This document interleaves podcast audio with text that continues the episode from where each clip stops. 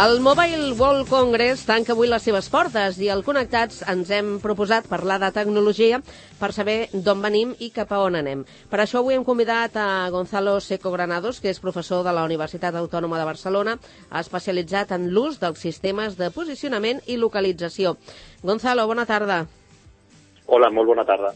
Vas, eh, has aprofitat per anar al mobile eh, aquest any? Has pogut anar i, i, i veure una miqueta que, que s'hi manegava per allà? Sí, sí, sí. He estat, he estat un parell de dies i sí, molt, molt interessant. I alguna cosa que t'hagi sorprès del que has vist? Molt, primer de tot, la quantitat de gent és, eh, és molt, molt satisfactori veure com s'ha tornat als nivells abans de, anteriors a la pandèmia. Mm. Hi havia realment molta, molt, molta gent i, i, i, i això també dona una idea de tota l'activitat que hi ha darrere d'aquest sector, eh, que és molt més gran de la que un es pot imaginar fins que, fins que no arriba allà. Mm -hmm. I sí, hi ha, hi ha, hi ha moltes uh, novetats, molts nous productes, demostracions, uh, doncs en el camp de les, tant dels dispositius, que és el que els usuaris veiem més a prop, sí. telèfons mòbils, tabletes, ordinadors, tant en la part de la xarxa, que és el que està darrere, amb el, amb el que es comuniquen els dispositius, i també moltes novetats en el camp de les aplicacions. Mm. Sí. Eh, podem dir que els plats forts d'aquesta edició eh, estaven marcats en eh, la intel·ligència artificial, la realitat virtual i la connectivitat eh, 6G. La intel·ligència artificial, si haguéssim de situar en quin moment eh, està, jo no ho sé, eh, vist des de fora, diria que, que potser encara està bastant al principi i que eh, hi ha moltes coses per evolucionar, no? Sí, efectiva, efect, efectivament. La intel·ligència artificial està en, la, en, en els seus començaments, en el que són les, les xarxes de, de comunicacions. Sí que és un àmbit que cada vegada troba més ja, aplicació a nivell de, podríem dir, de les aplicacions finals, no? coneixem el xat GTP, eh, aplicacions de reconeixement d'imatge, etc. Però en el camp de lo que són la, el disseny i l'ús de les xarxes està realment començant.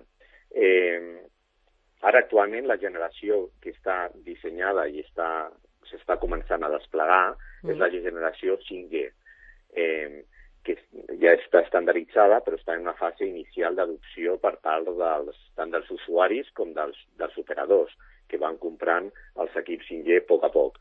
I 5G no és una generació que faci servir eh, en si mateixa la intel·ligència artificial. La poden fer servir els que desenvolupen aplicacions eh, que fan servir les comunicacions. Però després del 5G vindrà la, la sisena generació, el 6G, mm. que això està en fase de, de disseny, una mica en fase de brainstorming entre totes les parts involucrades de què pot ser el 6G, i el que sí que està clar que en el 6G la intel·ligència artificial ha de jugar un paper clau en el que és la gestió, el disseny i l'optimització de lo que, la xarxa de, de comunicacions i del servei que es donen als usuaris. Però sí, està iniciant. Uh -huh. Si anem a l'altre dels conceptes, el de la realitat virtual, eh, quan va aparèixer, per exemple, el tema del metavers, ens va semblar una cosa una mica paranoica, no? Ja, això ja, ja, ja, ja és, eh, és, és molt extraordinari. Però el tema de la realitat virtual podríem dir que està una mica més avançada, no? Sembla?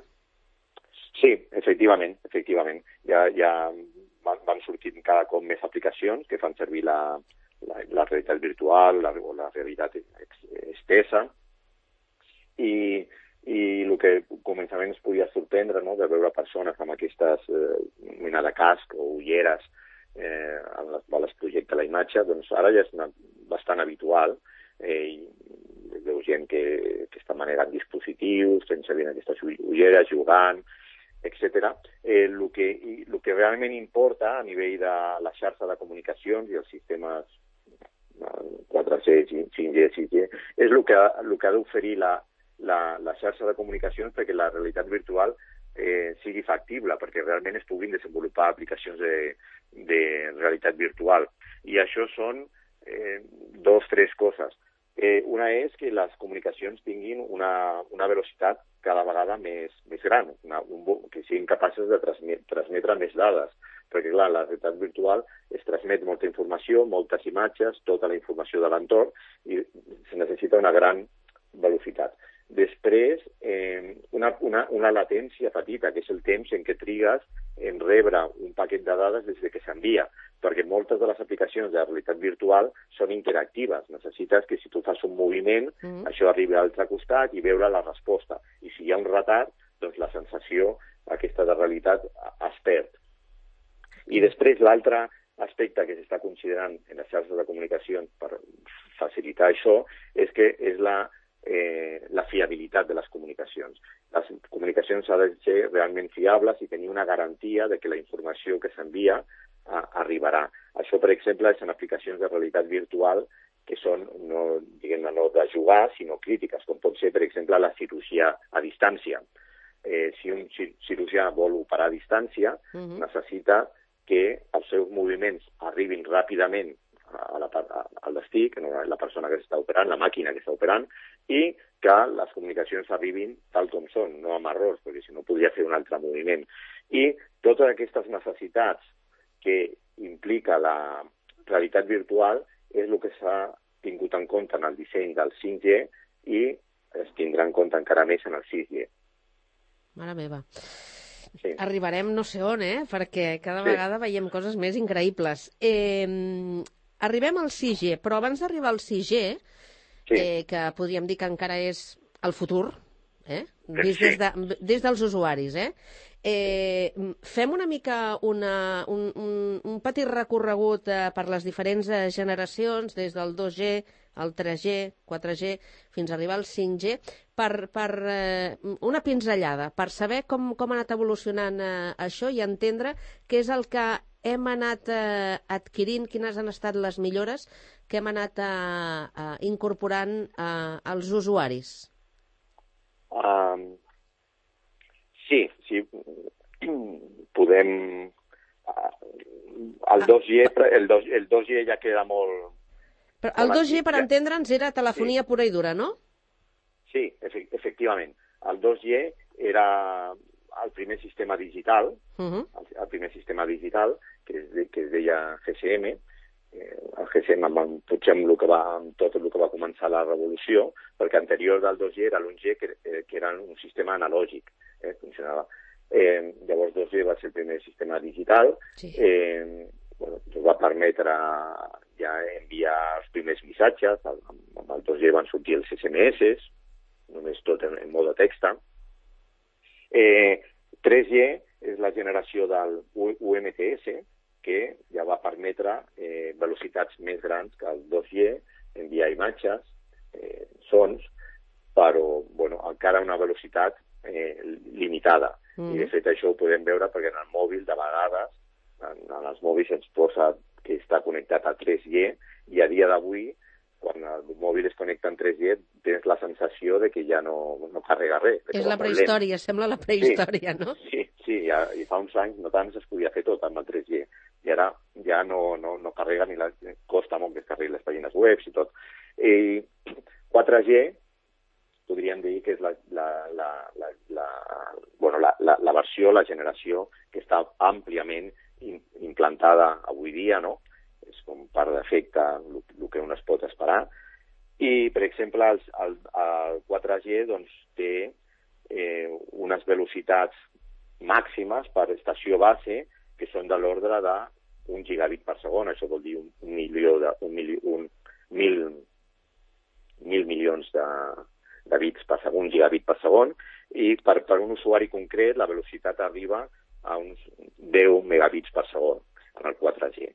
Eh, per exemple, la latència, no? la latència, que és eh, el temps que triga un paquet en arribar des del transmissor fins al receptor, com he dit abans, en el 4G és, eh, és d'un ordre d'uns 30-50 mil·lisegons, que no és, sembla molt poc, 30-50 mil·lisegons, però mm. no és suficient per tenir aplicacions interactives. Si tu tens una interacció amb una persona amb un retard de 30-50 mil·lisegons, notes que hi ha un retard i que no és, no és una, una, una sensació real. Mm. Eh, el número d'usuaris que pots tenir en 4G és al voltant d'uns 100.000 100 usuaris per quilòmetre quadrat, i, i, i moltes d'aquestes, eh, bueno, funcionen fins a vehicles que es mouen a velocitats altes, però no molt altes, funciona fins a 4G fins a uns 300, 350 km per segon, que està una mica al límit de lo que és, per exemple, l'AVE, no? Que tots hem experimentat, potser que l'AVE encara no funciona bé del tot, i, i bé, i tots aquests números han millorat en un factor 10 o 100 eh, en el 5G. El 5G, diguem-ne, està dissenyat i ara el que es falta és que es vagi desplegant per, la implantació, no? La implantació, per, sí, la, la implantació per més, per, a més llocs, no? més, més àmplia. Però diríem, I el, i el, diríem sí. que estem a mig camí d'aquesta implantació o que encara queda més, més de la meitat? Eh, és una mica difícil de dir, mm. però la, la sensació és que és, jo crec que queda més de la meitat, més de la, més, més de la meitat. I, i la meitat. estan en aquesta situació, com és que ja comencem a parlar de la sisena generació? Bé, perquè hi ha un, uns, uns, um, una, una, uns cicles de disseny que són relativament llargs.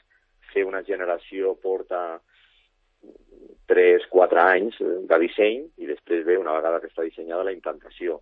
Llavors, si a dia d'avui 5G està dissenyada i, i començada a desplegar, el temps que pot portar a fer un desplegament complet de 5G pot ser doncs, això, dos, tres, quatre anys, eh, que és el temps que també ja es necessita per, per, per, anar dissenyant i desenvolupant el 6G.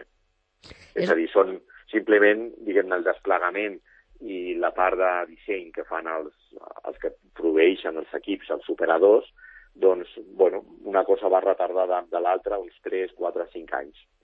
És molt Clar. curiós perquè depèn de quina banda eh, se situï un. Eh, des del punt de vista de l'usuari sembla que eh, tot això que ens arriba, arriba molt ràpid, no? En molt pocs anys, en poc sí. temps, però vist des de la part d'investigació, de, de, de treball, eh, potser és més lent, no?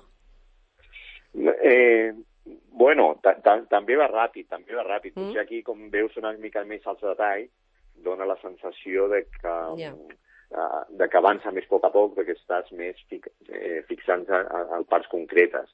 Però, de totes maneres, comparat amb unes altres tecnologies, uh, això evoluciona molt, molt, molt ràpidament. Nosaltres, en la nostra àrea de treball, uh, per exemple, els temes van canviant, en l'àrea de les comunicacions mòbils, els temes van canviant any rere any cada any surt un tema nou en el que entra molta gent a fer recerques, fan contribucions, i, i, i el que fas un any és completament diferent del que pots fer dos anys després. En canvi, que nosaltres, per exemple, també treballem en sistemes de posicionament, comunicacions per satèl·lit, mm. és molt més lent. Allà, eh, els cicles, el que en comunicacions mòbils potser són 3 anys, allà són 10, 15 anys. I això es veu també en la nostra, la nostra feina.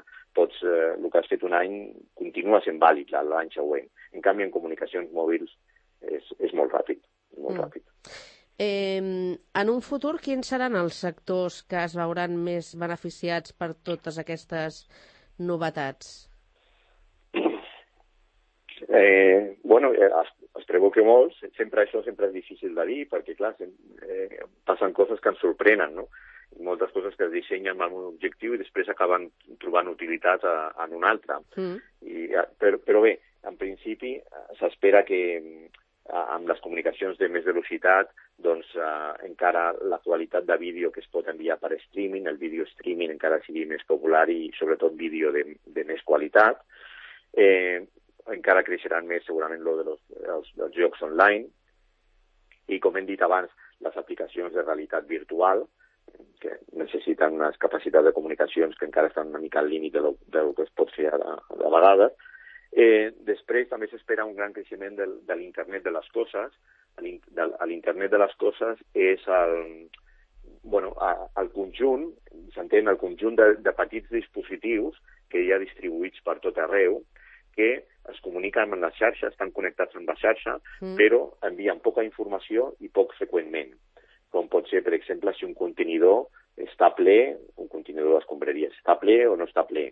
Eh, la, eh, les condicions que hi ha de temperatura, humitat en diferents llocs, eh, certes imatges que, que capten certes càmeres. És a dir, tots els sensors que un pot tenir a la ciutat o les cases. I ja s'espera que hi hagi un, un creixement molt gran d'aquest número de sensors eh, bé, eh, que formen el que es diu internet de les coses, en lloc d'internet de les persones, internet de petites coses.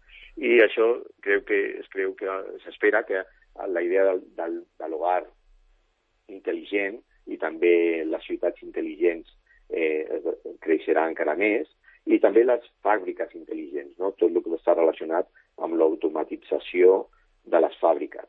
Eh, al final, tots els dispositius que siguin automàtics necessitaran comunicacions i també segurament saber on estan, la localització. I el que s'espera és que això és una tendència no? a les fàbriques, eh, tot la, la indústria 4.0, mm. i el que s'espera és que les, les comunicacions, els temes de comunicacions mòbils també puguin satisfer aquestes necessitats de la uh, indústria automàtica. I, en realitat, l'automàtic, eh, l'altre gran esperança és la, els vehicles, vehicles autònoms, la conducció autònoma. Vaja. Això, això en, bueno, Els cotxes ja sense conductor? Bàsicament, bàsicament sí, bàsicament sí. Sí, sí. És, eh, és, bueno, s'han fet experiments, hi ha proves, sí, sí. Eh, a, que arribi això a estendre's a tot arreu, doncs, bueno, portarà un temps, sembla difícil, però, però bueno, coses més difícils han arribat i han evolucionat i, i potser d'aquí uns anys ho, ho veiem el més normal, mm. més normal del món. Sí. Gonzalo, També, fa... digues, digues. Sí.